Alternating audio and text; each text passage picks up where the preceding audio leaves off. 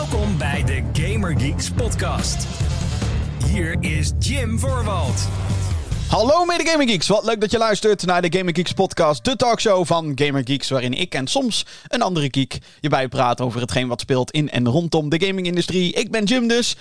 Dit is aflevering nummer 210 van de Gaming Geeks podcast. Datum van opname is 10 maart 2023. Een ehm, grote dag voor Mario-fans en voor eh, de marketingafdeling van Nintendo. Want eh, iemand daar is ontzettend slim geweest en eh, heeft bedacht dat op March 10th, als je althans kijkt naar de Amerikaanse kalender, dan staat er MAR 1-0 op je, op, je, op je kalender. En dat betekent Mario, of althans, dat hebben zij ervan gemaakt.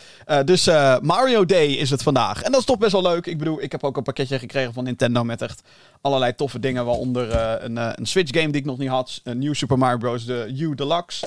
Um, ook een Mario knuffel. Dus ik heb Mario nu altijd bij me. Oh, hij is zo fluffy. Hij is zo... Oeh, ja, heel erg knuffelig. Maar, uh, en een Mario pad. Dus als ik weer een keer Mario dingen ga doen, dan ben ik helemaal voorbereid nu. Sowieso ben ik al geïnteresseerd om Mario Kart 8 Deluxe weer eens op te pakken. Um, daar zitten sinds een hoe doen ze dat al? Sinds een jaar zijn ze booster packs aan het uh, uitbrengen. Met andere woorden, uh, banen worden toegevoegd aan de game. En dat zijn niet per se nieuwe banen, maar vaak oudere banen uit andere games die ze dan nu remaken of remasteren, of hoe je het dan ook wil noemen. En dan in Mario Kart 8 Deluxe stoppen voor de Nintendo Switch. En uh, de nieuwste lichting, die is afgelopen week uitgekomen. En daar zit onder andere een gloednieuwe track in, wat ik tof vind. Yoshi's Island. Helemaal in de stijl van de game Yoshi's Island. Dus dat vind ik tof. En uh, Amsterdam zit er nu in. Een uh, track uit uh, de mobile Mario Kart game. Hoe heet die? Mario Kart World Tour, geloof ik? Nou goed, Amsterdam is... Nederland is vertegenwoordigd in Mario Kart. En daar mogen we trots op zijn. Alhoewel het totaal niet een realistisch beeld is van Amsterdam. Want je ziet molens en tulpen overal langs de weg. En uh, als je ook maar één keer in Amsterdam bent geweest, dan weet je dat dat uh, niet zo is. Tenzij je in een of andere toeristische attractie terecht bent gekomen. Maar oké, okay, dat is een beetje, beetje, beetje klagen over helemaal niks eigenlijk. hey, wat leuk dat je erbij bent trouwens. bij deze show, deze gaming show, waarin ik het met je ga hebben over het nieuws. Wat er de allemaal, afgelopen week allemaal gebeur, gebeurd is in het gaminglandschap. En dat is veel, kan ik je vertellen. Ehm, mocht je deze show leuk vinden en je denkt na een paar minuten, nou, dit wil ik gewoon vaker horen, elke week horen. Abonneer je dan op deze show. Dat kan via je favoriete podcast app of podcastdienst. Uh, zoals uh, Google Podcast, Apple Podcast, Spotify. Uh, overal waar podcasts te vinden zijn in audiovorm. Daar is deze show ook op te vinden. Abonneer je, dan krijg je de show. zodra er een nieuwe aflevering is, krijg je die meteen binnen. Um, en als je dan toch bezig bent, stel je zit nu bijvoorbeeld op Apple Podcast of op Spotify, dan kan je deze show ook recenseren een, uh, een rating geven. En uh, doe dat vooral. Uh, vijf sterren natuurlijk als je het hartstikke leuk vindt. dat helpt heel erg in het algoritme. En bij dit soort shows is het altijd hoe meer zielen, hoe meer vreugd. Mocht je cross-mediaal willen gaan met de Gaming Geeks podcast en um, er video bij willen, dat kan. op Spotify is er bijvoorbeeld een video-optie. Maar het is ook allemaal te zien op youtube.com slash gamergeeksnl. Daar waar ik uh, de afgelopen week een uitgebreide recensie heb gepost over de Dead Space remake. Uh, het uh, jaar begon ontzettend goed, alhoewel het duurde even een maandje. Maar toen kwam de Dead Space remake er. Heb ik rond launch gespeeld. Ik vond het helemaal fantastisch. Spoilers, I guess. Maar uh, uh, met uh, 20 minuten, in, in, een 20 minuten lang durende video ga ik je uitleggen waarom die game zo ontzettend fijn is. En waarom je het sowieso moet uitproberen. Ook in een jaar vol met andere grote horror remakes. Waaronder Resident Evil 4. Waar ik het later in deze show, in deze aflevering, zeker over ga hebben. Want er is iets gebeurd rondom Resident Evil 4. Iets met speelbaar en gratis demo nu te downloaden. Oeh. Ik heb hem gespeeld uh, voor de show, maar um, daar ga ik het zo meteen met je allemaal over hebben. Uh, uh, dus dat is allemaal. de Dead Space Remake review is dus te vinden op youtube.com slash. Daarnaast bespreek ik elke week een nieuwe aflevering van The Last of Us op YouTube. En ja, aankomende maandag is de laatste aflevering van het seizoen. Wat ik um, aan de ene kant zeg maar cool vind. Omdat er een, uh, tot dusver een ontzettend mooi, goed verhaal op een hele goede, nieuwe manier is verteld. Uh, namelijk, de game had al een fantastisch verhaal. The Last of Us, wat mij betreft. En uh, de serie doet dat op zijn eigen manier. En ongeveer op hetzelfde niveau. Op sommige momenten hoger, op een hoger niveau. Op andere momenten denk ik, nou, daar, daar deed de game het toch net wat beter. Maar goed, dat, dat, dat, dat is wederom geklaag over, over niet heel veel. Aangezien het niveau van die serie zo ontzettend hoog is. Dus aan de ene kant zin om de finale te gaan checken. Aan de andere kant jammer dat, dat, dat we dan moeten wachten op seizoen 2. Seizoen 2 die wat mij betreft wat verdeelder... Of althans, daar ga ik verdeelder in. Want ik vind The Last of Us Part 2 uh, eh, bij lange na niet het niveau halen van de eerste game. Maar ook dat is weer een hele discussie apart. Dat is allemaal te vinden op YouTube. En ik ben ook begonnen deze week met het publiceren van YouTube Shorts. Ik weet niet, ik vind het wel geinig om binnen een minuut een, een gaming verhaal te vertellen. Um, en dat dan online te posten. Maar goed, youtube.com slash GamerGeeksNL. Abonneer, want ook daar help je GamerGeeks ontzettend mee.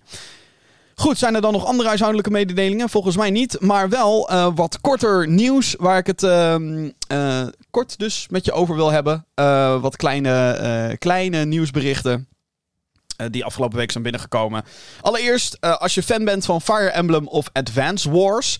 Dat zijn tactische strategy games. In het geval van Fire Emblem is het veel meer een role-playing game. En in het geval van Advance Wars gaat het wat meer de strategiekant op. Um, Wargroove 2 is nu in ontwikkeling. Dat is afgelopen week bekendgemaakt. Het is een ontwikkeling voor de PC en de Nintendo Switch. Er is nog geen release datum. Maar dit is een game die je in de gaten moet houden. Want Wargroove 1 is echt een heerlijke uh, liefdesbrief naar Advance Wars en Fire Emblem. Lijkt ontzettend erg op, um, op die beide franchises. Um, dus uh, dat. Dat, dat. Dat is eentje om in de gaten te houden. Op je wishlist te zetten. Op Steam bijvoorbeeld. Uh, dan, uh, Sony is heel erg optimistisch over de PlayStation VR 2. De nieuwe VR-headset is uh, twee weken geleden ongeveer uit, uitgekomen. En kost een hoop. 600 euro voor de headset met twee controllers. Als je er een game bij wilt, Horizon Call of the Mountain is dan de titel om te halen. Dan kost je dat 650 euro. Dus 50 euro voor de game, basically. Um, vind ik zelf, ik wil zeggen riskant. Uh, in de zin van, we zitten in een lastige economische situatie. En het is natuurlijk best gek om een accessoire voor een, een console te halen die meer kost dan de console zelf. En ik weet natuurlijk dat er technisch gezien ontzettend veel achter die VR-headset is. En de reacties zijn ook zeer lovend wat betreft dat apparaat. Dus dat is wel tof. Um, maar uh, uh, ja, ik, ik, ik heb er een beetje een hard hoofd in, in hoe dit mainstream kan worden. Want het lijkt me uiteindelijk dat VR mainstream moet worden. Ik denk dat dat met dit soort prijzen heel lastig wordt. Ook al kan Sony daar niet per definitie wat aan doen, denk ik. Want ja, de realiteit is gewoon, technologie kost geld. En zeker als je twee OLED-schermen op je ogen hebt en room tracking, motion tracking, eye tracking, weet ik veel wat er allemaal in zit. Maar goed, uh, Sony blijft optimistisch. Zij verwachten namelijk meer dan, uh, meer dan de PlayStation VR 1 te gaan verkopen. Voor de duidelijkheid, de uh, PSVR 1 voor de PlayStation 4 dus, die uh, is 5 miljoen keer over de toonbank gegaan.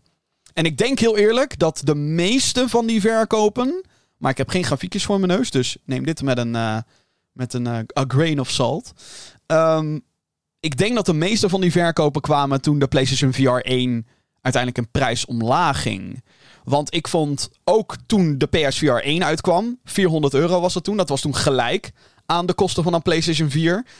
Vond ik toen ook heftig. En pas toen die omlaag ging en er bundels kwamen met: hey, je krijgt dan de headset en twee controllers, die waren toen nog apart. Dus dat maakte de prijs ook wel technisch gezien duurder van een PSVR 1, denk ik. Omdat de controllers moest je er apart bij halen. Maar toen er eenmaal bundels kwamen met... hey, je krijgt een headset en controllers... en ook nog eens een paar games. Dus niet eentje, maar gewoon een aantal. Stuk of drie. Um, ehm, 250 euro was het toen, geloof ik, op een gegeven moment. En dat is een hele aantrekkelijke aanbieding. Um, ik zeg niet dat ze nu de PSVR 2 naar 250 euro moeten laten dalen, overigens. Want dan volgens mij maken ze dan keihard verlies erop. Dat wil je ook niet. Maar ik denk dat dat ook wel op een gegeven moment moet gaan gebeuren. Willen ze die verkoopcijfers uh, gaan halen. 5 miljoen. Dan uh, vandaag op 10 maart dus uh, begint er ook een nieuw seizoen Fortnite. Uh, heb ik zelf zin in, want ik speel best veel Fortnite. Daar ben ik helemaal niet bang voor om dat toe te geven. Um, het is een van de weinige games waarbij ik elk seizoen de Battle Pass complete Uh, soms wel een beetje met argwaan. Dat ik denk, oh god, dan moeten we weer. Ik heb helemaal geen zin. Maar ja, ik moet die leveltjes halen. Dat is wat de Battle Pass, Battle Pass met je doet. Uh, maar goed, het nieuwe seizoen begint vandaag. Chapter 2 of uh, Chapter 4, Season 2. het heet Mega. Heeft een neo-Japan-stijl. En als we leakers en mensen die in coderingen kunnen kijken van Fortnite, krijgen we een first-person mode. Dus dat je door de ogen van je character kijkt. Wat ik. Um, een hele interessante wending zou vinden voor Fortnite. Ik, uh, dat, dat zou wel echt een nieuwe boost geven aan de game. En ik ben ook heel benieuwd hoe de nieuwe map gaat spelen en zo. En, uh, of althans, de aangepaste map. En wat ze er allemaal mee gaan doen. Trailers zagen er goed uit in ieder geval. Uh, dan laatste korte nieuwtje. er is een patch uitgekomen voor Pokémon Scarlet en Violet. De nieuwste Pokémon game voor de Nintendo Switch. En daar is wat controverse omheen, omdat er een aantal gebruikers online hebben vermeld dat hun save-file is verwijderd. Dat is keihard. Oh man. Uh, die mensen hebben natuurlijk contact gezocht met de Nintendo klantenservice. Van hey, help.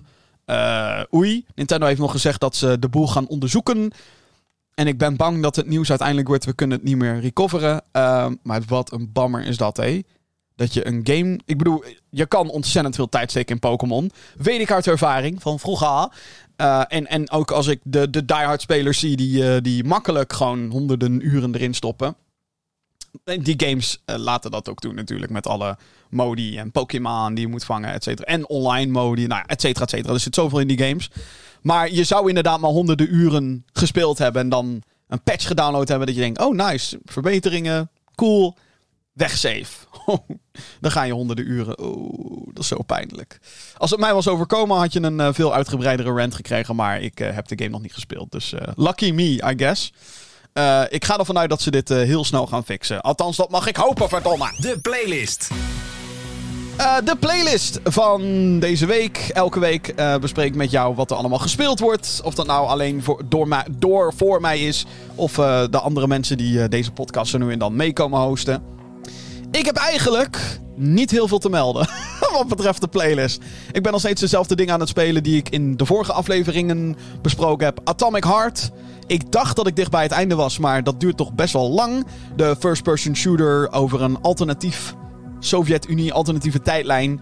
Uh, met ontzettend veel Bioshock-achtige elementen. Het is een beetje Bioshock meets Fallout meets raar, rare dingen. Vooral ook. En, oh, en een beetje meets uh, Dying Light slash Dead Island met een melee combat. Het is uh, een opvallende game, laat ik het zo zeggen. Ik heb er gemeende gevoelens over. Volgens mij heb ik dat de vorige keer ook wel gezegd. Wanneer de game klikt en werkt, dan denk je... oh, dit is wel echt heel erg gaaf. En de game ziet er ontzettend mooi uit. Hele aparte, toffe artstijl. Maar er zijn ook zat momenten dat ik denk... Heeft iemand dit getest? Heeft iemand dit een keer gespeeld? En heeft iemand gedacht dat dit verhaal goed zou zijn en de manier hoe de voice acting gedaan is. Oei, dat is wel waar de game steken laat vallen. Maar um, volgens mij ben ik er nu echt bijna doorheen. Dat zei ik vorige week ook, maar ik voel nou de conclusie echt aankomen. Hogwarts Legacy ben ik ook nog steeds aan het spelen. Um, ja, ik heb daar ook eigenlijk niet heel veel meer over te vermelden dan vorige week. Ik vind het nog steeds fantastisch. Als een leerling door Zwijnstein heen lopen en die hele wereld opslokken. Uh, dat is ook echt zo'n game die ik uh, niet even tussendoor wil spelen. Dat is zo'n game dat ik echt uitgebreid moet gaan zitten. En dan gewoon bij wijze van deuren dicht. Uh, alles. Weet je wel, gewoon, gewoon even alleen ik en Hogwarts Legacy. Zwijnstein. Dat is, dat is meer dan prima. Um, dus dat, ja, dat is mijn playlist. Ja, eh, eh, wat ik al zei, verder niet heel veel te melden. Ik heb Fortnite, uh, het Fortnite-seizoen heb ik afgegrind. Ik uh, ben nog wat andere kleine dingen tussendoor aan het doen, maar niet iets noemenswaardig. Laten we hopen dat het volgende week weer wat anders is. Um, ik heb nog wel wat anders gespeeld. Maar daar kom ik zo op terug. Dat is namelijk onderdeel van het nieuws. Zometeen in de Gamer Geeks podcast. Achter gesloten deuren worden er vreemde dingen geroepen door PlayStation in de strijd van de Activision Blizzard overname door Xbox. En deze uitspraken die, uh, die zullen je verbazen. Dat is echt wel heel heftig. Uh, het wachten voor Hogwarts Legacy, is hij weer, op PlayStation 4 en Xbox One wordt nog langer. En er zijn een aantal showcases geweest van uitgevers, waaronder de uitgever van Resident Evil. Mm. Zin aan. Nieuws. Maar er is nog veel meer nieuws. dus laten we het daar snel over gaan hebben. Door middel van een korte trailer is namelijk de release datum bekendgemaakt van... Nou, niet zomaar een game, maar van Starfield. Dit is de nieuwe game van Bethesda Game Studios. Een big deal, want dit is hetzelfde team achter die Elder Scrolls 5. Skyrim, Fallout 4 en Fallout 76. Oh jee. Starfield is een roleplaying game waarbij je personage meerdere planeten gaat verkennen en lijkt elementen mee te nemen van de eerder genoemde franchises. Al zij het met science fiction elementen, want het is een science fiction setting, zoals de naam al enigszins doet vermoeden. Het was in eerste instantie de bedoeling dat Starfield vorig jaar zou uitkomen. Maar dit lukte niet. Nu mag je 6 september 2023 in je agenda prikken. Dan komt de game uit voor PC en Xbox Series S/X. De titel komt ook beschikbaar voor leden van Game Pass, zowel PC als Xbox Game Pass. Daarnaast werd bevestigd dat er een uitgebreide showcase van Starfield komt na de Xbox Zomer Showcase. De datum hiervan weten we nu ook. 11 juni voor beide. Eerder werd bekendgemaakt dat Xbox niet aanwezig zal zijn op E3, de grootste en belangrijkste gamingbeurs van het jaar. Althans, dat is het een hele tijd geweest. Dit jaar is de E3 van 13 tot 16 juni uh, wordt die gehouden in Los Angeles. En die Xbox Showcase is volgens mij letterlijk twee straten verderop. Um, waar ongetwijfeld ook journalisten bij gaan zijn. En daar allemaal, alle, allerlei dingen mogen gaan spelen. Et cetera, et cetera. En ben ik jaloers? Nee, hoe kom je daar nou weer bij? Uh, eindelijk een datum voor Starfield. Uh, eh, 6 september is een, um, een mooie datum. Het is een datum waar denk ik heel veel andere games die rond die tijd gepland staan nu naar kijken en denken... Oh, hmm, Misschien moeten wij gaan wijken. Misschien moeten we eventjes kijken of wij uh, een andere datum uh, kunnen, kunnen, kunnen vastzetten. En het zegt um, misschien wel het een en ander over de Xbox line-up voor de rest van het najaar. Want uh, Starfield is toch wel de grote game. Dat, dat, hè? Dit, dit is gewoon de grote game voor Xbox en voor Bethesda. En um, het lijkt me toch wel dat je die game de ruimte wil geven. Ook al zijn er andere titels voor die. die hè, laat ik het zo zeggen. Als ik moet kiezen, breng ik Game X uit of Starfield. Dan wordt het Starfield. En het is aan de ene kant goed nieuws dat Starfield op 6 september dus al schijnbaar klaar is. En uh, dat, dat we dan kunnen gaan spelen. Maar dat houdt nog genoeg ruimte over voor oktober en november. Voor andere grote Xbox games. Dus ik ben heel benieuwd wat, uh, wat daar dan gaat gebeuren.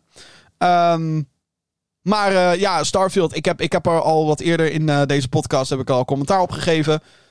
Aan de ene kant ben ik enthousiast omdat het weer een, een, een Bethesda game is. Een Bethesda RPG. Die hopelijk niet gaat worden zoals Fallout 76. Nou, dat sowieso al niet. Het is geen online uh, idee. Het is een pure singleplayer game. Um, aan de andere kant vind ik het er op dit moment niet heel indrukwekkend uitzien. Um, het, het, ziet er, het ziet er adequaat uit. Het ziet eruit als een, zeg maar, geupgrade mod. Nou, oké, dat is weer heel lullig om te zeggen, maar ik ben niet weggeblazen door, door, door de graphics, laat ik het zo zeggen. Ik denk dat uh, als we kijken naar next generation gaming, of eigenlijk current generation gaming, dat er dan echt wel veel meer is wat we, wat we, wat we moeten kunnen verwachten. Um, maar de gameplay zal het uiteindelijk uitwijzen. Want Bethesda games zijn nooit de allermooiste games geweest. Skyrim ook niet in 2011. En Fallout 4 al helemaal niet in 2015. Sterker nog, ik vond die game er toen een beetje outdated uitzien. Maar uiteindelijk was het de gameplay die die games leuk maakte. Dus laten we hopen dat dat ook eh, met Starfield het, uh, het geval is. Want eerlijk is eerlijk, ik zou het wel heel tof vinden om, uh, om weer die verslaving te hebben. Die, die typische Bethesda-verslaving die ze wat mij betreft uh, heel goed hadden in Fallout 3, Fallout 4 en Skyrim. Waarin ik gewoon... Ja, nee, ik ga gewoon nog uh, de wereld verder verkennen. Maakt niet uit. Oh, er is een quest complete. Dat is leuk. Maar ik zie uh, daar in de verte nog een gebouw. En kan daar een tof wapen liggen of zo. En nu zal dat... Um, ik vraag me af of ze diezelfde... Diezelfde prikkels kunnen geven in een game met zo'n grote schaal. Waarin ze zeggen, oh, we hebben duizend planeten. En, eh, ik weet niet, als ik dat dan hoor, dan denk ik, ja, zijn die duizend planeten dan wel interessant? Dat kan bijna niet. Um, hm. Gewoon, ik ben een beetje sceptisch. Maar dat komt ook door wat Bethesda in het uh, verleden heeft gedaan. Voornamelijk Fallout 76 en um, weet je, eh, een beetje sceptisch zijn is eh, wat mij betreft heel erg gezond. Ook wat betreft Starfield. Het grote voordeel is wel, en dat vind ik oprecht, eh, dat. ehm, eh, hoe heet het? Het kan. Ik ben een beetje mijn train of thought nu kwijt. Eh, laat ik het zo zeggen. Het komt op Game Pass. Ik ben lid van PC Game Pass. Dat is toch wel heel erg slim. Dat het gewoon daarop komt. En dat ik zoiets heb van, nou, ik ga het sowieso spelen. Hè? Maar het is toch op Game Pass. Haalt wel een beetje de waarde van games naar beneden, maar ehm, ja, dat. Starfield, 6 september dus, 2023 voor PC en Xbox Series S slash X. Zet het in je agenda. Bloomberg-journalist Jason Schreier die kwam eh, ge- op het moment van opnemen gisteren met, eh, met wat nieuws. Eh, en eh, heel veel andere websites hebben dat overgenomen, dus kunnen we er eigenlijk wel van uitgaan dat het zo is. Bloomberg-journalist Jason Schreier meldt dat de Suicide Squad Kill the Justice League wordt uitgesteld. De game, die gemaakt wordt door de studio achter Batman Arkham Asylum, Arkham City en Arkham Knight, stond gepland voor een release op 26 mei voor PC, PlayStation 5 en Xbox Series S/X. Een paar weken terug was de titel het hoofdonderwerp in een eh, PlayStation State of Play. Dat is zo'n digitale showcase. En hij kreeg hevige kritiek te verduren. De game is een third-person co-op shooter met in de hoofdrollen Harley Quinn, Deadshot, Captain Boomerang en King Shark. Het eh, bevat een Battle Pass, alternatieve kostuums en spelers moeten verplicht online, online zijn om te kunnen spelen. Ook in singleplayer modi. Oei, als je mensen boos wil maken online, eh, dan is het wel dat soort dingen. Ironisch trouwens, dat, mensen, dat je mensen boos, of eh, online boos kan maken door te zeggen je moet altijd online zijn. Maar inderdaad, als je game een singleplayer mode heeft, moet dat gewoon offline speelbaar kunnen zijn. Vooral omdat ehm, wanneer ehm, een game dan offline gehaald wordt, zoals bijvoorbeeld een eh, Marvel's Avengers, dat ze dan zeggen, ah joh, we verkopen die shit niet meer en eh, je kan het niet meer spelen, haha. Nou weet ik niet exact hoe dat nou zat met Marvel's Avengers. Volgens mij wordt die game niet meer verkocht na september. Maar kan je de singleplayer in theorie nog wel spelen? Of dat ook niet meer? Hm. Het feit dat ik me dat al moet afvragen is al erg genoeg. Een rare status zitten we met de, met de industrie.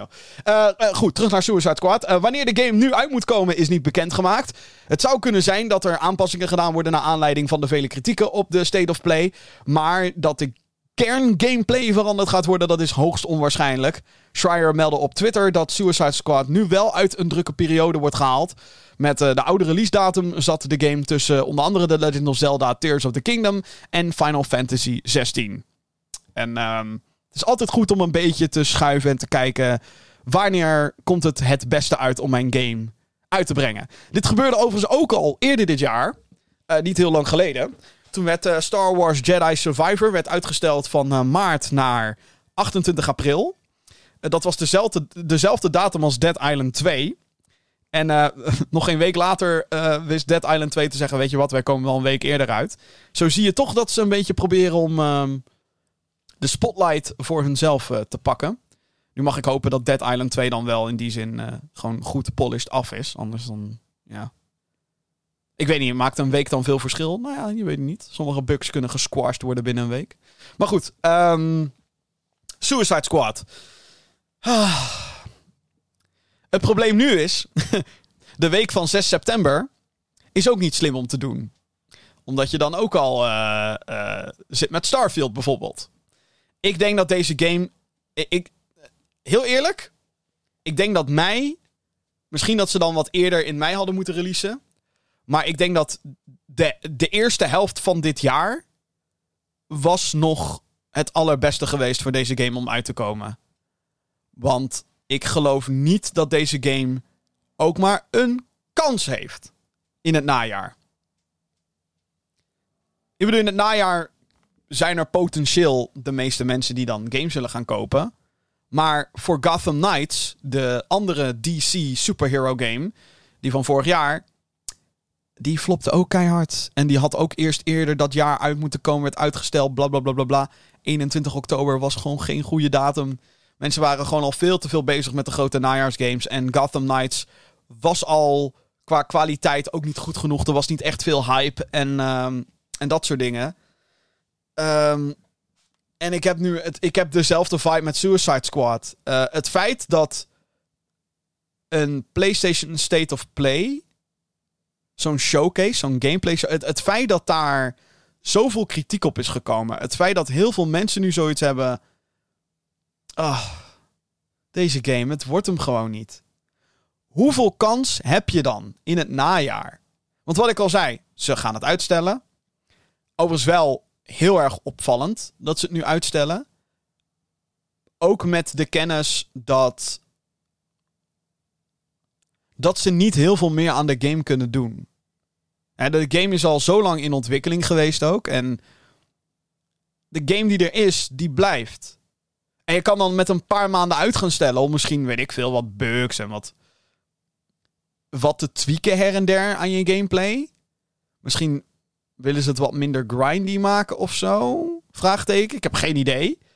Maar die paar maanden gaan echt niet. Die gaan deze game niet redden. En ik denk hoe langer je wacht met dit soort games, hoe erger het is. Ik bedoel, zo'n studio als Rocksteady zou dan ook gewoon het liefste meteen door willen. Lijkt me. Ehm, in plaats van dat ze nu nog langer moeten werken aan, aan dit project, die ik denk gedoemd is om te falen inmiddels. En, en, weet je, het kan, het, het kan anders lopen. Hè? Het, kan zomaar zijn dat een game die er niet goed uitziet en waarvan iedereen zegt, ziet die uit, dat dat uiteindelijk wel een succes kan opleveren. Of in ieder geval dat de game heel goed is.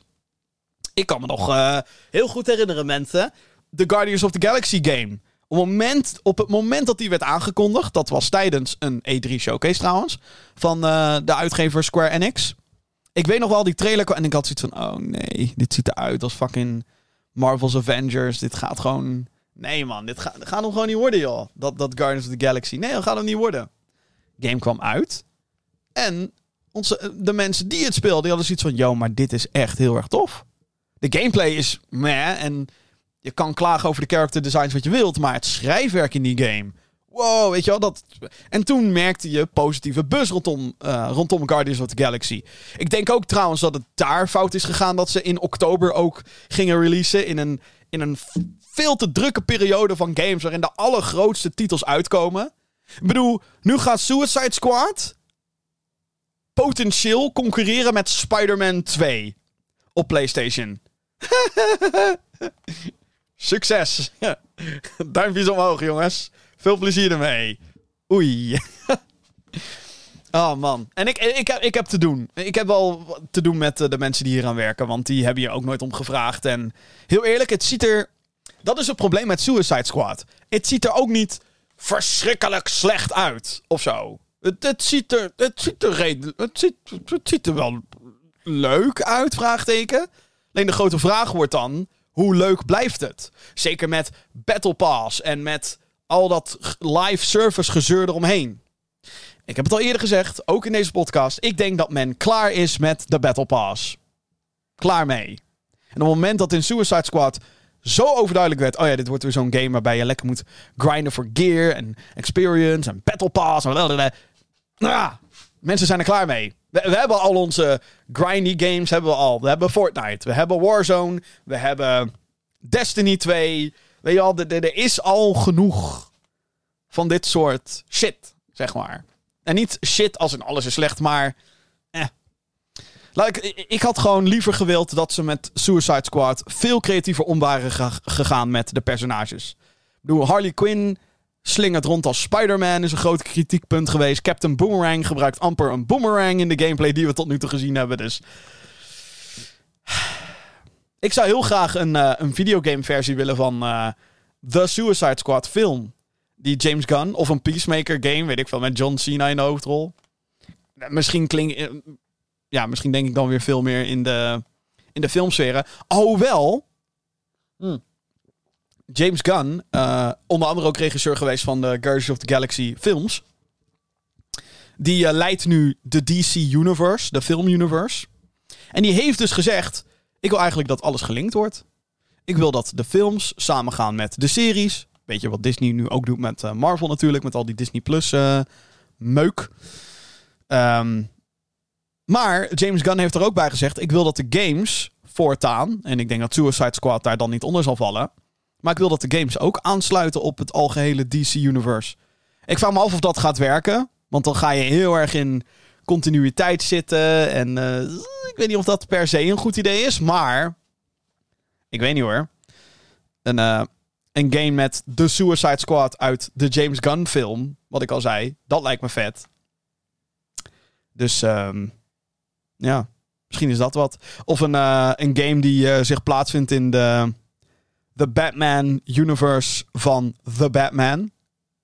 Zeg maar, die donkere sfeer. Robert Pattinson Batman. Lijkt me ook gaaf hoor. Qua art design alleen al. Ik weet niet of het dan qua gameplay en qua continuïteit dan uh, nog zou kloppen. En dat is ook zo verwarrend aan het hele DC gebeuren nu. Want je hebt dan de DC Universe. Maar dan heb je dus ook films die daar allemaal apart van staan. Zoals Joker en The Batman. Dus daar allemaal weer... Nou ja, goed. Een grote mishmash. Ik weet niet of dat uh, de juiste call is. Overigens, als er nog andere... Als je benieuwd bent, zijn er nog andere DC games in ontwikkeling dan? Vraagteken. Jazeker. Uh, er is een Wonder Woman game in ontwikkeling door Monolith, de studio die hiervoor de Shadow of Mordor en Shadow of War, de Lord of the Rings games heeft gemaakt. En ik zit me nou wel oprecht af te vragen, wanneer werd die aangekondigd? In 2021 werd die aangekondigd, 10 december. Dus we hebben al ruim een jaar niks meer ervan gehoord. Wordt eens een keer tijd, hè? Je tijd dat we er wat van uh, horen. En je merkt het al, ik ben nu allerlei andere wegen in aan het gaan dan The Suicide Squad, Kill the Justice League. Want ik weet niet of dit. Uh, ja, klinkt sad om te zeggen, maar. Uh, ik denk dat we hier kijken naar een uh, verloren game. maar daardoor word ik dan wel weer heel erg nieuwsgierig op de een of andere manier. Beetje. Ik kan er ook niks aan doen. Uh, ander Warner Brothers nieuws. Uh, ook uh, minder leuk voor Warner Brothers, maar het gaat dan wel om een hele succesvolle game. Warner Brothers heeft namelijk aangekondigd dat de last-gen versie van Hogwarts Legacy is uitgesteld. De open world game waarin de speler de rol aanneemt van een leerling op de magische school Zwijnstein is een gigantisch succes, tot nu toe dan. De game wist op PC, PlayStation 5 en Xbox Series S/X binnen twee weken al 12 miljoen keer verkocht te worden. Dat was Groot succes. Gamers die graag op PlayStation 4 of Xbox One willen spelen, moesten al wat langer wachten. Maar dat wordt nu dus zelfs een tikkie erger. Uh, deze versie van de game komt namelijk niet begin april, zoals deze week aangekondigd, maar op 5 mei uit. De reden die via social media wordt gegeven is dat ze gewoonweg meer tijd nodig hebben om the best possible experience aan te kunnen bieden. De Nintendo Switch versie van de game staat vooralsnog gepland voor release op 25 juli. Duurt helemaal lang. Um, ja, ik denk dat dit um, heel goed aangeeft hoe. Um, ik denk dat dit. Uh, ik denk dat we echt wel het einde meemaken van uh, de PlayStation 4 en de Xbox One. Niet omdat. Niet omdat men niet wil, maar omdat het niet kan. Laat ik het zo zeggen. Als je dit soort games gaat ontwikkelen, dan moet je naar een bepaalde benchmark toe. Dan moet je naar een bepaald niveau moet je naar streven. En ik kan me heel goed voorstellen dat het dan heel lastig wordt om op inmiddels 10 jaar oude machines de game uh, draaiende te krijgen. Goed draaiende te krijgen. En ik ben ook heel erg bang voor ontzettend veel compensatie in de PS4 en Xbox One versies. Tuurlijk, die consoles kunnen open world games aan. Dat is het probleem, denk ik niet. Um, maar er zit in Hogwarts Legacy wel echt heel veel detail. En ik denk dat als je op een gegeven moment zoveel moet gaan terugschroeven, vraag ik me af of het nog wel dezelfde game blijft. Ik denk dat ze. Um, tuurlijk, nu is het met slechts een maand uitgesteld. Maar dat zegt wel heel veel over de status van die poort. Want de game is er, hè? De game is er aan zich. Het is alleen nu het terugschroeven van die game, wat dus nog langer gaat duren. En ik denk dat ze meer terug moeten schroeven dan dat ze in eerste instantie gedacht hadden. Dat ze echt moeten kijken naar. Kunnen we hier nog een animatie schrappen? Uh, kunnen we deze resolutie van dit model, kunnen we dat naar beneden halen? Kunnen we misschien hier een extra laadschermpje doen her en der? Het is wel... Op een gegeven moment moet je ook gewoon stoppen. En moet je denken, kan dit nog wel? Overigens denk ik dat Hogwarts Legacy nog best wel kan op uh, PS4, Xbox One. Met wederom heel veel compensatie. Nintendo Switch versie daarentegen, daar blijf ik toch wel sceptisch over hoor. Want, oh man wil je dat echt spelen op een Nintendo Switch? En ik weet het, oh, er zijn, maar er zijn zoveel mensen die op Nintendo Switch spelen, niet op andere platforms. Ja, maar die. die moeten dan toch op een gegeven moment ook denken: ja, maar dit is niet wat ik wil. ik wil wel een game die er enigszins goed uitziet en goed draait. Want dat is het verschil. Op Nintendo Switch en ook op PS4 en Xbox One kan je best wel mooie games hebben. Sure. Ehm, maar de mooiste games, op welk platform dan ook, die komen um, voort uit titels die daar heel specifiek voor gemaakt zijn. Of waar echt ontzettend veel tijd in is gestoken om, en dus geld, om uh, die versie zo mooi mogelijk te maken. Um, en met een project als Hogwarts Legacy is dat gewoonweg niet het geval. Omdat het een breder project is. Um, en wederom ook heel ambitieus. Hè? Het is wel... De Harry Potter universe moet op zijn allermooiste getoond worden, zeg maar. Dus het is um, een, lastig, uh, een lastig iets. Vooral ook hoe langer je wacht met het uitbrengen van last-gen versies, PS4, Xbox One, hoe minder relevant, relevant die worden, omdat um, nieuwere consoles nu steeds beter beschikbaar worden. De prijs gaat niet omlaag, sterker nog, de prijs is omhoog gegaan sinds de launch van de PS5. Bijvoorbeeld. En ik denk dat de Xbox Series X is nu in bepaalde landen en bepaalde regio's wat duurder geworden. Ik denk dat het een kwestie van tijd is voordat die wereldwijd ook wat duurder wordt. Of ze blijven erbij en gaan op een gegeven moment verlies draaien op die uh, apparaten zelf. Maar dat nemen ze vaak graag voor lief voor de, uh, voor de winst die ze dan weer maken op de games die dan verkocht worden op die apparaten. Um, maar hoe langer je wacht, ja, hoe minder relevant die, die oudere consoles worden. Omdat men gaat overstappen naar. Eh, in het geval van PS4 naar PS5 of Xbox One naar Xbox Series X. Of ze stappen over van PlayStation naar Xbox of van Xbox naar PlayStation, et cetera. Um, wat, betreft, wat betreft Nintendo Switch, daar is natuurlijk nog geen opvolger voor. Maar ja, wat ik al zei, uh, The Witcher 3 is ook op Switch. En dat is een versie die ik letterlijk niemand zou aanraden. Niet omdat het per se ineens een kut game is of zo. Maar het ziet er gewoon niet heel goed uit. Het is knap dat ze het überhaupt draaiend hebben gekregen. En dat op sommige momenten de game eruit ziet als The Witcher 3. Of het ziet eruit, het is The Witcher 3. Maar op een dusdanige lage resolutie dat ik zou zeggen... Nou, doe het anders gewoon lekker niet. Hè? Is toch veel beter. maar dat is uh, voor ieder apart. En ook daar verschilt het weer in. Want um, de Nintendo Switch port van Diablo 3 was bijvoorbeeld weer verrassend goed. Maar ja, daar kan je heel makkelijk in terugschalen. Het is heel anders per game. En ik. Um, ja, als je het aan mij vraagt, ik zou zeggen, joh, uh, ga voor de versie die nu al uit is. Hmm. Ook al moet je dan nog wachten met het spelen van Hogwarts Legacy. Of is er een gratis upgrade? Dat vraag ik wel af. Wacht even. Does Hogwarts Legacy have free upgrade? Free to upgrade. Oh, oké. Okay. Dat scheelt weer. Lees ik nu. Uh, snelle Google search. Oké, dat is wat minder heftig dan. Dus je zou bijvoorbeeld, stel, je bent aan het sparen voor een PS5 en je hebt alvast wat geld apart gelegd voor Hogwarts Legacy op PS4 of Xbox One of whatever. En je bent sowieso van plan om naar de next gen over te stappen, of eigenlijk de current gen. Dan kan je gratis upgraden, dus dat, dat scheelt dan wel weer. Bij sommige games moet je namelijk uh, eh, 10 euro extra betalen of zo om te upgraden naar de current gen versie. Ja, Hogwarts Legacy. Ik uh, nu ook wederom, nu ik het weer over heb, heb ik zin om te spelen. Ah!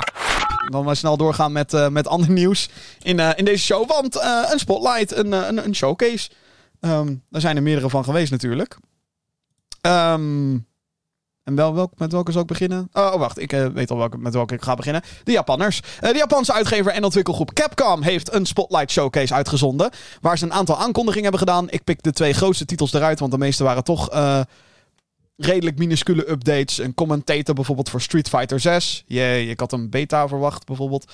Uh, en uh, een expansion voor een oudere Monster Hunter game. Die komt eindelijk naar Xbox en PlayStation en dat soort dingen. Nou goed, uh, de, de, de twee highlights. Allereerst de game Exo Primal. Dit is een multiplayer game waarin twee teams van vijf spelers in verschillende mech suits tegen elkaar strijden. Um, en uh, met als twist dat er ondertussen ook hordes van dino's zijn om wie dan ook op te vreten en die je dus neer moet knallen. Klinkt belachelijk, dat is het ook. En I love it.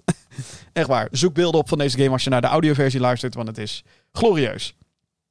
Uh, in zijn uh, meest weird way ooit. Er is een Battle Pass systeem aangekondigd met een gratis en een premium tier. Volgende week van 17 tot 19 maart is er een open beta op Steam, Xbox en PlayStation voor wie de game alvast wil uitproberen. Er is ook een release datum bekendgemaakt. Op 14 juli verschijnt de game op PC, PlayStation 4, PlayStation 5, Xbox One en Xbox Series S/X en is ook onderdeel van Game Pass. Dus als je een Game Pass hebt, kan je dit ook sowieso in zijn volledigheid uitproberen. Oké, laat ik het uh, hier eerst even, eerst even over hebben. Um, het idee achter Exo Primal is dusdanig belachelijk dat ik het geweldig vind. Max suits à la Anthem. 5v5 en dan met fucking veel dinosaurs. Het is belachelijk. Het is, het is weird. Het kan niet kloppen. Geen enkele vorm van logica is hier. En toch zijn dit dan die stijl games die uh, we niet heel veel meer zien. En waardoor ik juist zoiets heb van: oké, misschien moet ik dit in de gaten gaan houden. Ik vond het. Ik vind het er fantastisch uit. Ik kan er niks aan doen. Ik vind het heel erg leuk uitzien. Uh, ik geloof dat er ook een singleplayer aspect aan zit. Althans, in, uh, in de trailer wordt heel veel met verhaal gedaan en zo. Dus ben benieuwd of dat er inderdaad ook bij zit. maar ja, knallen tegen elkaar en met Echt, maar echt gewoon honderden raptors die op je afkomen. Je zou je afvragen waarom maken ze niet gewoon een, uh, een, een Dino Crisis. Ik denk echt wel dat dat eraan zit te komen. Ook een Dino Crisis remake of een reboot of whatever. Maar um, ja, het ziet er ontzettend grappig uit. Ik ga het volgende week sowieso uh, proberen, de, de open beta. Want uh, dit wil ik uitproberen. En, en laatste wat ik wil zeggen. De release datum is opvallend. Um, het is voor Capcom geen najaarsgame. Overduidelijk, want juli is geen najaar. Dat is middenzomer. En middenzomer, daar zet je toch wel een beetje de games neer waarvan je zo hebt van ja, we zien wel.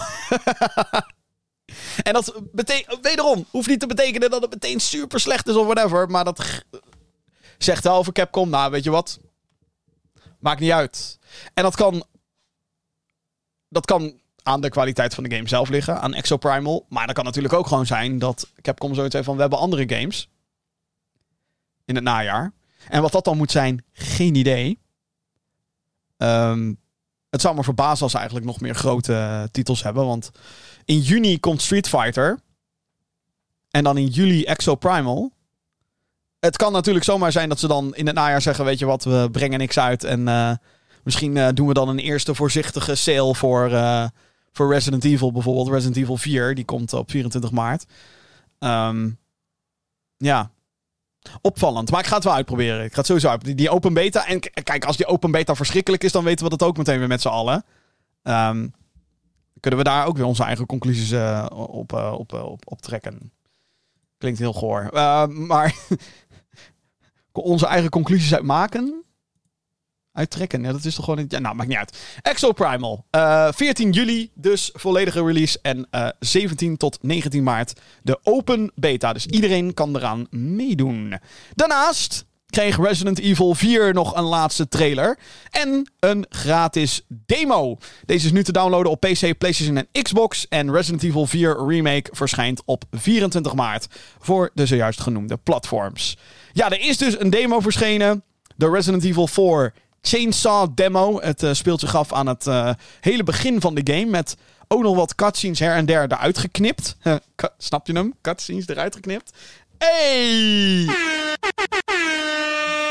Anyway, um, ik heb hem gespeeld. Uh, vlak voor de opname heb ik hem even gedownload op, op Steam en even gecheckt.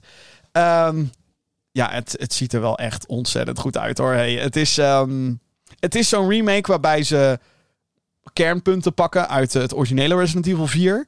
Uh, Resident Evil 4 is eigenlijk de eerste moderne Resident Evil game. Als in achter de schouder, soort van third-person shooter gameplay. Um, daar waar bijvoorbeeld Resident Evil 2 en 3, die eerder zijn geremaked, en 1. Dat was echt compleet andere gameplay. Met name 2 en 3 zijn daarin veranderd. Uh, dat was eerst hè, een, een, een camera die op een vast punt zat. En jouw personage bewoog dan over of in een ruimte. En in Resident Evil 2 en 3, de remake, was het ook achter de schouder third-person camera. Dus Resident Evil 4, het origineel, was al een stuk moderner dan de games die daarvoor kwamen. En daarvoor was ik in het begin ook zoiets van: waarom zou je deze dan remaken? Want hey, uh, wordt het dan echt gewoon een, een, een, een grafische remake, hè, zoals Crash Bandicoot en Spyro? Dat je dan zegt: oké, we maken de beelden mooier en dat is het. Dat hebben ze niet gedaan. Ze hebben echt wel heel veel elementen veranderd, heel veel gameplay dingen toegevoegd hier nog niet heel veel van te merken in, in deze hele korte snippet. Want de demo duurt maar 15 tot 20 minuten. Het is echt gewoon de eerste grote confrontatie in de game krijg je. Of nou, grote de eerste confrontatie met veel enemies. En dat is op een dorpsplein waarin iemand uh, in de fik gestoken wordt. En waarna een aantal minuten de kerkbel afgaat en dat iedereen weggaat. Um, degene die Resident Evil 4 gespeeld hebben, weten gewoon dit, dit iconische moment op, op dat dorpsplein. En um, die wordt hier, uh, ja, die kan je nu in, in, in, in, in mooiere vorm kan je die spelen. Modernere vorm. Uh, gameplay aanpassingen zijn er ook gedaan. En ik moet zeggen, een hele slimme demo is dit. Want het geeft je. Het, is eigenlijk te kort. Maar dat is juist heel slim. Omdat uh, uh, je denkt: shit, is dit het al? Als je eenmaal klaar bent, je kan hem nog een keer spelen. Je kan hem continu opnieuw uh, doen. Dit korte stukje game. Maar um, het doet het wel heel goed. Ik vind ook dat het het horror-element goed aanpakt. De spanning wordt echt opgebouwd naar naar de confrontatie met uh, de dorpelingen. De Los Plagos. Spaans dorp. Mensen zijn helemaal gestoord door een uh, nieuw soort virus. Niet de T-virus. Hoe zit dat dan? Hoe? Anyway, um, ik, ik vond het heel erg tof. En het ziet er zo ontzettend goed uit. Ik heb het wel op PC gespeeld. Uh, met alle settings op max. dus ook raytracing en dat soort foefjes die stonden allemaal aan het ziet er wel echt ontzettend goed uit hoor. Sowieso zijn de moderne Resident Evil games zijn echt heel erg mooi. En draaien ook heel goed over het algemeen. Ik was heel erg verbaasd over hoe goed deze uh, demo draaide. Um, aangezien ik alle settings omhoog had gegooid. Is ook aan de ene kant niet... Ik zou het ook verwachten, want ik heb een best wel beefy PC zoals ze dat dan zouden noemen, met een dikke RTX 3090 videokaart en een, uh, en een uh, de, de, wat nog meer, een AMD 5950X processor. Blablabla. Anyway, um, wat ik heel tof vond, is dat er nu ook stealth in zit. Dus je kan de boel sneakier aanpakken. Dus met... Er is dus een dorpsplein en een politieagent die eerst met jouw personage mee is. Leon Kennedy uit Resident Evil 2 is het hoofdpersonage waar je mee speelt. Um, en die dorpelingen die steken zo'n uh, politieagent in de fik. Uh, die is dood, voor duidelijkheid. En je zou bij wijze van meteen guns blazing kunnen doen. Maar nu zag ik veel meer de kans om eerst rond te sneaken. En wat ik daar best wel tof aan vond. En het is logisch dat het gebeurt, maar alsnog. Ik had één dorpeling had ik gestelfkilled. Ik dacht, oeh, vet. Je hebt stealthkills in Resident Evil. Cool. Maar toen dacht ik, ja, nu zijn ze eigenlijk niet meer te vermijden. Maar zag ik wel een klein huisje. Toen dacht ik, oh, daar kan ik dan misschien in. Um, maar de enige manier was door een raam. Of althans, de enige manier die ik op dat moment even vond. En um, dat hoorden mensen. Of althans, dat hoorden die enemies. En je zou denken, Jim, de, natuurlijk horen ze dat. Maar alsnog, ik vond dat een tof element. Waardoor je echt zoiets hebt van: oh shit, ja, nu, nu, nu is het al te laat. Nu breekt daar. Nu, nu, en toen brak ook de hel los. De hel brak los. En het heeft diezelfde. Ja, het intense gameplay van het origineel van Resident Evil. Als in, ja, je kan richten en je kan schieten. Um, sowieso is één headshot vaak niet genoeg voor uh, deze enemies. Maar je wil ze wel maken, omdat ze dan vaak beduust worden, gestund worden. En dan kan je zo'n fucking roundhouse kick geven als je dat doet. Uh, het heeft... Resident Evil 4 is, is een game die zowel de spanning lekker op kan bouwen...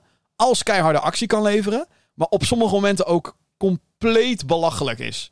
De, de, weet je, de Capcom humor zit erin. En die zit hier ook weer in hoor. De, de Where's Everybody Going? Bingo. De, de line zit er gewoon weer in. En ik ben blij dat ze daar niet van afdeinzen wat betreft Resident Evil. Want ik vind dat Resident Evil over het algemeen een hele serieuze, toffe uh, franchise is. Of kan zijn. Um, en ik heb zoiets van, nou weet je, de belachelijke dingen die kan je lekker in. Uh, um, die kan je lekker in, in, in, in dingen laten, zoals uh, spin-offs en zo. Maar ik vind de balans hierin wel tof. En de designs zijn cool. En de, wat ik al zei, de graphics is tof. En, de gameplay uh, voelt lekker. Dus het is, um, het is een game om je op te verheugen. Ik zou gewoon zeggen, download de demo. Kijk of het wat voor je is. Um, ik ben nu wel officieel hyped voor de Resident Evil 4 remake. En dat zeg ik ook als, um, als liefhebber van het origineel. Die ik, uh, dat weet ik nog heel goed. Die speelde ik op PS2 voor het eerst. En uh, dat was echt zo'n mooie, glorieuze ervaring voor mij. Dat was echt uh, te gek. Resident Evil 4. 24 maart dus. Over een paar weken op het moment van opnemen. Op PC, PlayStation en Xbox. Ik geloof ook last gen, geloof ik. Wacht. Resident Evil 4 Remake PS4. Mij. Ja. Ja. Dus zowel op last gen als current gen. Ah. Was dat het dan met de showcases? Nee. Ik heb er nog eentje voor je. Uh, namelijk een, uh, een showcase van een, iets, een iets minder bekende partij. Dat dan weer wel, maar dat mag de pret absoluut niet drukken, wat mij betreft dan weer. Um, het is namelijk Nacon. Ja, uh, uitgever Nacon had ook een showcase afgelopen week. De zogenaamde Nacon Connect. Ook hier wat hoogtepunten van. Allereerst was er de gameplay trailer voor Raven Watch. Eentje om inderdaad op je watch of wishlist te zetten, wat mij betreft. Een game die speelt als een top-down RPG, zoals bijvoorbeeld Diablo, maar dan met roguelite elementen. Dit houdt in dat als je doodgaat, je opnieuw moet beginnen met de game. Um, maar er zijn altijd wat willekeurige elementen die, uh, die dus anders zijn elke keer. Daarnaast zijn er ook permanente power-ups te verdienen. De game wordt gemaakt door dezelfde studio als het succesvolle Curse of the Gods. Een, um, ook een roguelite top-down isometric game. Uh, op 6 april komt de game uit in Early Access op PC Steam. Uh, en ik vond deze er tof uitzien. Vandaar dat ik denk, even een spotlight. Hou in de gaten. Raven Watch. Niet te verwarren met Overwatch. De. Uh, The Lord of the Rings Gollum kreeg een nieuwe trailer. In deze game speel je als de drager van The One Ring. My precious. Ik had hem niet zo goed. Uh, voor de gebeurtenissen van The Fellowship of the Ring. Als Gollum moet je voornamelijk vijanden zien te vermijden en puzzels oplossen. Want ja, Gollum is heel veel dingen, maar een fighter niet zozeer. De game heeft nog geen datum, maar komt nog wel dit jaar uit, zo is beloofd in de trailer. Um, ik uh, weet het niet zo goed met deze game. Er zijn momenten dat ik denk, oh, dit ziet er best wel tof uit. En dan zoomt het in op personages en dan denk ik, uh, Gollum zelf ziet er ook like, lelijk uit. En dat is wel de bedoeling, want het is Gollum. ik bedoel, Gollum is nou niet echt bepaald uh, het mooiste jongetje van de klas, zeg maar. Um, is ook helemaal niet de bedoeling. Maar gewoon qua, qua artstijl en qua uh, kwaliteit van de character models, zeg maar. Het ziet er gewoon niet heel erg denderend uit. Nou is dit ook geen hè, budget die bijvoorbeeld een EA of een, of een Warner Brothers uh, uit zou hebben gegeven aan een Lord of the Rings game. Um, wat mij vooral zorgen baart, is dat we nog steeds geen datum hebben. En dat dit een game is die eerst in 2021 al moeten verschijnen. Toen ging hij naar 2022. En nu is het 2023. We zitten in fucking maart. En we hebben nog steeds geen datum. Um, jongens, wat is er aan de hand met deze game? Ik bedoel, het komt er. Ik denk echt wel dat we dit jaar deze game kunnen gaan spelen. Maar het baart me, het baart gewoon zorgen. Het heeft, het heeft een game waarvan, ik zo van... Eh, ik weet het niet. Ik weet het niet. Ik weet het niet. Ik weet het niet. Ik verwacht, althans, als ik de uitgever zou zijn... Ik zou zeggen augustus. Een augustus game. Maar dat moeten zij zelf weten. De game moet ook af zijn natuurlijk. Hè? Je moet geen uh, buggy tering uitbrengen. Dat ook weer. Uh, anyway, als laatste werd gameplay onthuld van Robocop Rogue City. Dit is een first-person shooter waarin je als het populaire filmpersonage verschillende misdaden moet stoppen. Vaak met een gewelddadige afloop, want hey, het is een first-person shooter. De game wordt ontwikkeld door Theon. Zij zijn bekend van een enorm slechte Rambo-game die ze een tijd geleden hadden uitgebracht. Maar ook voor het veel geprezen Terminator Resistance. Paul Weller, de acteur die uh, de rol speelde in de originele films, doet wederom de stem van de gerobotiseerde politieagent. In september verschijnt Robocop Rogue City voor PS5, Xbox Series S/X en PC. De reacties op uh, deze gameplay was nogal gemengd. En dat snap ik wel, want ja, weet je, als je het hebt over een first-person shooter, dan zijn er zoveel games die zoveel toffe dingen doen, dat het heel lastig is om uh, uh, ja, als partij om daar iets. Om daar om, om standing out. Weet je wel? Om, om, om, om op te vallen. Laat ik het zo zeggen. En Robocop. Ik weet het, het is een iconisch 80s personage, maar hoeveel kan je nou eigenlijk met Robocop in een first-person shooter? Ik geloof niet dat je er heel veel mee kan doen. Ehm, Ik denk dat bijvoorbeeld de, de Terminator franchise, dat daar veel meer qua setting, qua sfeer. Je kan naar de future gaan, je kan naar het eh, heden gaan, je kan eh, als mens spelen, je kan als Terminator spelen. Dat zijn allemaal, het zijn allemaal verschillende elementen die je met een Terminator IP kan doen. En met Robocop heb ik toch het idee dat je heel erg gelimiteerd bent. Sowieso, het moet een character zijn die heel veel kogels moet kunnen vangen. Want je bent een robot. Dus dat, dat, dat, maakt het al een beetje gek dat je dan allemaal mensen gaat neerschieten. Ehm, want je zou denken dat een criminele organisatie toch op een gegeven moment zoiets heeft van... Nou, weet je wat, we rennen weg. we rennen weg. In plaats van eh, dat we nog honderd man eh, laten afslachten door, eh, door Robocop. Maar goed, dat is in de films natuurlijk ook zo. Ja, ehm, ik weet het nog zo net niet. September komt hij dus uit. Ik vind wel dat de ontwikkelaar in kwestie heel veel credits heeft verdiend met die Terminator game. Alleen, dat is wel het grote verschil. De Terminator game, die Terminator Resistance, raad ik by the way aan. Ik heb hem ook gespeeld. Ik vond hem heel tof met heel veel janky elementen, dat wel. Maar die, die moet je dan maar voor lief nemen. Ehm, maar het was één dikke grote liefdesbrief naar de films. En je zou zeggen, de, dat is de bedoeling. Maar echt, de Terminator Resistance was fantastisch als je die film tof vond. Ik ben groot fan van voornamelijk Terminator 2. Ik vind dat een van de beste films ooit gemaakt. Terminator 1 vind ik ook super vet in al zijn ethisch glorie. Terminator 3, nee. Terminator Salvation, nee. Terminator Genesis, wie de fuck heeft die casting gedaan? Terminator Dark Fate, fuck you. Behalve Arnold Schwarzenegger in die film, die was heel goed. Maar voor de rest, nee. Uh, maar die game, die Terminator game, was een liefdesbrief naar 1 en 2. Dat was gewoon zoveel referenties. Zoveel toffe elementen. De soundtrack die continu op het juiste moment met de juiste deuntjes komt. Dat je zegt, oh ja, dit is die Terminator tune. Um, nou goed. Uh, zo vet, zo vet, zo vet. Als je fan bent van die films en je hebt Terminator Resistance niet gespeeld, ga dat doen. Er zit trouwens ook een Terminator mode in. In, in, de, in de originele game speel je als een, een, een uh, dude in de Resistance. In de Future. Maar volgens mij was er op een gegeven moment ook een, uh, een add-on dat je als Terminator speelt. Dat heb ik nog nooit uh, gedaan. Dat kwam iets van een. Wanneer was het? Een jaar daarna of zo kwam die DLC of zo.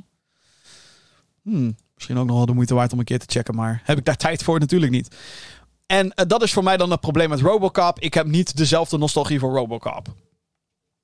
Gewoon niet.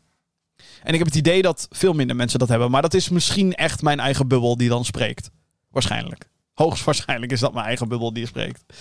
Oké, okay, uh, Nacon Connect dus. Uh, uh, wat ik al zei, hou Raven Watch in de gaten. Want um, dat zou wel een toffe roguelike kunnen worden. Maar we zitten al vol met hele goede roguelikes. Dus kan deze er uh, ook op poppen? Geen idee. Zal we maar afwachten. Oh. Laatste nieuwsbericht van deze week. En dan gaan we weer. Er gaat geen week voorbij of er is nieuws rondom de overname van Activision Blizzard. Vorig jaar kondigde Xbox samen met de uitgever en ontwikkelgroep achter World of Warcraft, Overwatch, Candy Crush en Call of Duty en ook nog eens vele andere aan dat Microsoft de partij wilde overnemen voor bijna 69 miljard dollar. Sindsdien zijn er meerdere bedrijven en commissies geweest die zorgen hierover hebben. De grootste hiervan is de directe concurrent van Xbox, PlayStation. Vorige week werd door een Amerikaanse rechter bepaald dat Xbox interne documenten mag inzien van PlayStation omtrent exclusiviteitsdeals en de communicatie omtrent de Activision Blizzard overname.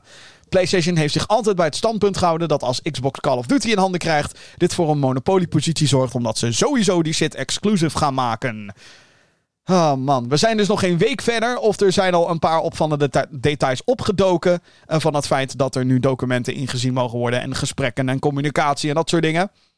Allereerst, waarom PlayStation geen deal wilt maken met Xbox. Die uh, laatste partij, dus Xbox, heeft al meerdere malen uh, aangeboden om op zijn minst voor de aankomende 10 jaar Call of Duty nog steeds naar PlayStation te brengen. Inmiddels is er een deal getekend met Nintendo om dit inderdaad te doen, mocht de overname compleet zijn. Er is volgens documenten niet alleen maar aangeboden om de meest populaire shooter franchise naar PlayStation te brengen, voor de aankomende 10 jaar. Er is ook aangeboden om de games op release dag aan te bieden op PlayStation Plus, de abonnementsdienst van Sony en PlayStation. Waarom PlayStation niet mee wilt met dergelijke deals, is omdat ze bang zijn, en I kid you not, wat je nu gaat horen is fucking belachelijk, maar alsnog. Waarom PlayStation niet, niet mee wilt met dergelijke deals, is omdat ze bang zijn dat Activision expres bugs in de PlayStation-versies gaat programmeren, zodat gamers geneigd zijn om naar Xbox over te stappen. Daarnaast heeft Jim Ryan, de CEO van Sony Interactive Entertainment, PlayStation, uh, duidelijk zijn doel gemaakt tegenover de Europese Commissie, die zich buigt over deze zaak. Volgens de communicatiemedewerker van Activision Blizzard is zijn uitspraak: I don't want a Call of Duty deal, I just want to block your merger. Of deze heftige taal juist voor of tegen PlayStation gaat werken, is nog maar afwachten. Dit wordt nog vervolgd. Um, PlayStation had natuurlijk niet gerekend op het feit dat dit soort uitspraken openbaar zouden worden. Um, achter gesloten deuren worden er altijd dingen gezegd die uh, jij en ik niet mogen weten. En dat is logisch. Zo, zo, werkt het nou eenmaal. Niet, niet iedereen hoeft alles te weten over wat er achter de schermen gebeurt. Maar PlayStation is bereid om bullshit te verkopen om deze deal zo goed als dat ze kunnen te blokkeren. Dat is inmiddels wel duidelijk. Um, allereerst, laat ik het even hebben over de Bugs-uitspraak. Dat, ze, dat PlayStation dus, dus, dus beweert. Ja, nee, maar Activision gaat bugs in Call of Duty stoppen. Zodat mensen gaan overstappen naar Xbox. Luister. Op dit moment wordt Call of Duty by far het meeste verkocht op PlayStation. Dus ook al komt er geen deal met PlayStation, dan is Microsoft slash Xbox waarschijnlijk nog steeds verplicht, financieel gezien, om Call of Duty naar PlayStation te brengen voor inderdaad op zijn minst de aankomende 10 jaar. Want 69 miljard dollar is nogal wat geld. En dat moet natuurlijk zo snel mogelijk terugverdiend worden. En je gaat me niet vertellen dat er dan mensen gaan zijn die zeggen: Oh, uh, laten we de PlayStation-versie uh, vaker laten crashen. Of laten we gekke bugs introduceren waardoor Xbox meer speelbaarder wordt. Dat, is, dat gaat zo tegen het model van geld verdienen in. Ik kan niet eens, begrijpen, ik kan niet eens beginnen waar deze bullshit vandaan komt. Het komt natuurlijk voor dat er wel eens console-specifieke bugs of glitches voorkomen in een game. Komt voor. Logisch ook, want het zijn. Ik bedoel, de PlayStation en, en eh, PS5 en Xbox Series X lijken qua binnenkant heel veel op elkaar. Maar er zijn verschillen. En het feit dat dat gebeurt en dat je natuurlijk een andere beeld maakt van een game, bla bla bla. Ik, ik, ik wil niet eens beginnen met waar het allemaal fout zou kunnen gaan ook, ook, met bepaalde games op bepaalde videokaarten die lekker op gaan. Op PC bijvoorbeeld. Zwa. Whatever. Maar dat je Xbox slash Activision nu al van, van beschuldigt eigenlijk. Voordat er überhaupt iets, gebeurd, uh, iets gebeurd is. Zo van, hey, jullie gaan bugs introduceren. Bullshit, bro. Zitten er extra bugs in Modern Warfare 2? Die niet in de Xbox versie zitten? Dat zou ik willen weten. Want die deal is al een tijdje een discussiepunt. Vorig jaar werd het namelijk aangekondigd. En ondertussen is er een nieuwe Call of Duty game. En Activision wil heel graag verkopen aan Xbox. Die, die, die, die, die willen dat. Die intentie is ook duidelijk. Dus je zou denken dat als dit inderdaad het geval was. dan moet je met iets van bewijs komen. Dan, zou er, dan zouden er gekke bugs moeten zitten in de PlayStation-versie van COD. Modern Warfare 2, dus de, de, de, de nieuwste. Een compleet vreemde aantijging dit. Heel raar. Heel erg vreemd. Het is gewoon complete bullshit. Um, PlayStation die niet in wilt gaan op een deal Call of Duty op PlayStation Plus. Je zou denken: wow, maar dat is een fucking, dat is een fucking goed aanbod. Waarom wil PlayStation niet Call of Duty op PlayStation Plus? Ik ga je vertellen waarom. Omdat de strategie van Xbox is namelijk Game Pass. Game Pass is nu hun focus. Hardware is een leuke bij, bijkomstigheid, zeg maar. Uh, stof vooral een manier om mensen naar hun ecosysteem te lokken. Game Pass. Um, je ziet dat keer op keer. Starfield gaat bij lange na niet, zo, niet zoveel geld verdienen als dat het kan, omdat het op Game Pass zit. Maar dat is voor Microsoft, Xbox, op dit moment de moeite waard. Omdat zij willen mensen op die abonnementsdienst hebben. Die abonnementsdienst die ongetwijfeld een keer in prijs omhoog gaat. En het zou me niks verbazen als dat rond de release datum van Starfield gaat gebeuren. Want de waarde wordt alleen maar groter van Game Pass. En het is eigenlijk fucking cheap als je erover nadenkt. Xbox wil dit heel graag. Xbox wil iedereen op Game Pass hebben. En Game Pass moet overal opkomen. Als het aan hun ligt. Het zit nu op de PC. Het zit nu op Xbox. Het zit nu op bepaalde smart televisies. Maar als het aan Xbox lag, komt er een Xbox Game Pass app op PlayStation. Komt er een Xbox Game Pass app op Nintendo hardware. Komt er een Xbox app op mobiele telefoons waar je specifieke games wel en niet op kan spelen. En via de cloud, et cetera, et cetera. Dit is Xbox's strategie. Dat betekent niet dat PlayStation diezelfde visie deelt. PlayStation wil games verkopen. Zoveel mogelijk. Op hun eigen hardware en in hun eigen ecosysteem. Dus die PlayStation Plus dag 1 deal Call of Duty op, jou, op jouw abonnementsdienst klinkt heel aantrekkelijk als iemand buiten het bedrijf, dus jij en ik. Um, ik denk wel dat er een addertje ook onder het gras zal zitten, geweest zitten. Waarbij staat: hey, het komt op Game Pass en PlayStation Plus op dag 1. Moet bijna wel. Ik kan me bijna niet voorstellen dat Xbox of Activision of wat voor naam je het beestje dan ook wil geven, dat ze dat dan gratis tussen aanhalingstekens willen weggeven. Um, maar PlayStation is eigenlijk heel ouder. Het begint heel ouderwets te klinken in hun aanpak. Ze willen gewoon games verkopen. Gewoon, hey, kom maar games. Op ons ecosysteem, op de PlayStation Store. Want daar verdienen wij geld aan. Dat is wat zij willen. En hoe je het ook went of keert, of deze deal nou wel of niet doorgaat, Call of Duty levert ontzettend veel geld op, op PlayStation. Ik snap natuurlijk wel dat PlayStation het wil tegenhouden. En dan komen we bij die laatste uitspraak. Uh, I don't want a Call of Duty deal, I just want to block your merger. Het is natuurlijk best heftig om dit nu in het openbaar te lezen, maar we wisten het al. PlayStation doet er alles aan om deze fusie tegen te houden. Waarom? Omdat Microsoft slash Xbox dan op een gegeven moment de macht krijgt. He, want na die tien jaar, tien jaar Call of Duty, wat dan? Verdwijnt Call of Duty dan van PlayStation? Zou dan in theorie kunnen. Tenzij je een nieuwe deal gaat onderhandelen. Het is eigenlijk. Ik bedoel, het is heel logisch dat, dat ze het niet willen. Want PlayStation zit in zo'n comfortabele positie in de consolemarkt. Zij domineren Xbox op dit moment. Keihard. Uh, volgens mij waren er iets van cijfers bekendgemaakt dat de PlayStation 5 bijna twee keer zoveel verkocht is als de Xbox Series S en X. Twee keer zoveel. Dan word je wel kapot gemaakt. Maar er is in de huidige. Ja, in de huidige digitale, in het huidige digitale tijdperk van gaming is er meer. Zoals inderdaad de inkomsten die je krijgt van games op andere systemen. Eh, eh, Sony, PlayStation heeft een game op andere platforms. Dat is die honkbalgame, MLB The Show. Microsoft heeft op, op zijn beurt weer bijvoorbeeld games als Minecraft op PlayStation zitten. En op Nintendo Switch ook. En waar dan ook. Dus het wordt veel dynamischer allemaal. PlayStation heeft bijvoorbeeld ook Bungie overgekocht. De ontwikkelaars van Destiny. En dat betekent niet dat Destiny nu ineens van Xbox afgehaald wordt. Nee, daar verdienen ze waarschijnlijk ook heel veel geld. En dat was ook een van de voorwaarden om puntje over te kunnen nemen. Alles wat wij maken, dat blijft multiplatform, zeggen ze.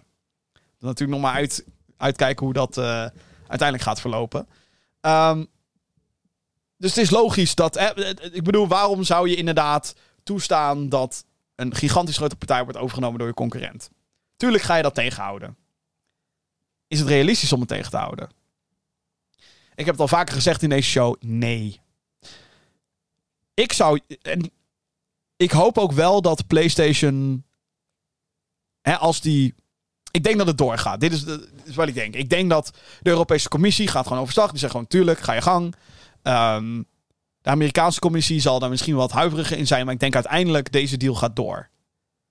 En PlayStation heeft er al voor gezorgd dat er veel vertraging in zit. Uh, maar het gaat door. Ik, ik mag hopen dat op het moment dat dat gebeurt. Dat Play en, en ik hoop dat PlayStation nu al die plannen inzet. Je hebt tien jaar de tijd. Stel, Microsoft haalt na tien jaar Call of Duty van PlayStation af. Ten eerste moeten we natuurlijk maar afvragen. Hoe zit het met Call of Duty over tien jaar? Want het is heel lastig om nu te zeggen. Over tien jaar is Call of Duty groter dan nu. Is dat echt zo? Of spugen we, kotsen we Call of Duty over drie jaar of zo helemaal uit? Is het gewoon helemaal klaar met kot? Zou kunnen, hè? Want er zijn wel, uh, er zijn dark times geweest voor Call of Duty. Alhoewel, dark times in de ogen van critici. Niet dark times in de ogen van verkoopcijfers. Maar ja, je ziet het nou met... Uh, raar voorbeeld, maar je ziet het nou met de Marvel Cinematic Universe. Die films leveren niet zoveel meer op als... Uh, zeg maar voor Endgame. Hm? En de, de toekomst ziet er ook niet echt heel erg rooskleurig uit voor Marvel. Wat mij betreft de Cinematic Universe. Hebben jullie, heb je, heb je Ant-Man en, en, en The Wasp Quantumania gezien? Oh, wat een drama. Anyway. We weten niet waar Call of Duty over tien jaar staat, eh, was mijn punt. PlayStation kan zelf... Tien jaar is meer dan genoeg tijd... om je eigen first-person shooter franchise van de grond af te krijgen. Je kan... Je, je kan kijken naar titels als Resistance, Killzone... SOCOM zou je op een nieuwe manier kunnen herintroduceren. Je kan met iets nieuws komen. Gek idee, ik weet het. Maar tien jaar is best veel tijd om je eigen, je eigen first-person shooter franchise van de grond af te krijgen. Die dan naar PlayStation en PC komt bijvoorbeeld. Je zou, je zou zelfs Bungie daarvoor in kunnen zetten. Om te zeggen, yo, maak de nieuwe like, Halo of zo. Of maak iets compleet nieuws. Zou ook kunnen. En dan kan je als PlayStation zeggen: ja, maar wij hebben Bungie. ik bedoel, PlayStation heeft, heeft Destiny. Basically. Waarom, waarom is daar niemand over aan het klagen? Hallo? Sony zou in theorie kunnen zeggen: ja, nee, Destiny gaat nu van Xbox af. Zouden ze kunnen? Ze zijn eigenaar. Ik bedoel, tenzij er een of andere clausule in een contract staat. En ik denk dat dat wel zo is, maar op den duur, overal zit een tijdslimiet aan bij dit soort deals. Dus ik vind PlayStation best hypocriet hierin. Ook al snap ik het wel. Ik snap heel goed, je wil dit, je wil het voorkomen. Maar er zijn grenzen wat mij betreft met hoe ver je kan gaan als het gaat om aantijgingen. En ik vind bugs, oh ze gaan bugs stoppen in onze... Rottig op man, rottig op. Wat een onzin is dat. Wat een bullshit. Wat ik al zei, ik hoop gewoon dat deze deal doorgaat. Um, want ook al ik vind het, ik, het is een van de meest interessante videogame discussies die je kan hebben als je echt inside de industrie gaat, zoals in deze podcast vaak genoeg, zoals nu gebeurt. Um, op een gegeven moment is het ook wel leuk geweest, toch? En nu, nu komen, en, en laat ik dit zeggen. Het feit dat we nu al dit soort uitspraken krijgen, dat dat dan al door de gehele industrie, de gaming-industrie rondgaat. Dit is nog maar het begin. Want Xbox moet nog documenten gaan inkijken wat, wat betreft hun exclusiviteitsdeals. En I kid you not, daar komt, daar gaat iets uitkomen dat PlayStation Square Enix iets van 20 miljoen heeft betaald om Final Fantasy 7 Remake van Xbox af te houden, weet je, of van Game Pass af te houden. Of in hun deal staat waarschijnlijk zeer expliciet: ga niet naar Game Pass of ga niet naar Xbox, want verdomme, whatever. Gaan we allemaal zien. Dus um, ja, deze saga duurt al heel lang. De Activision Blizzard naar Xbox saga. Maar er komt nog veel meer aan. En ook al ben ik dus op sommige momenten dat ik denk, klaar mee.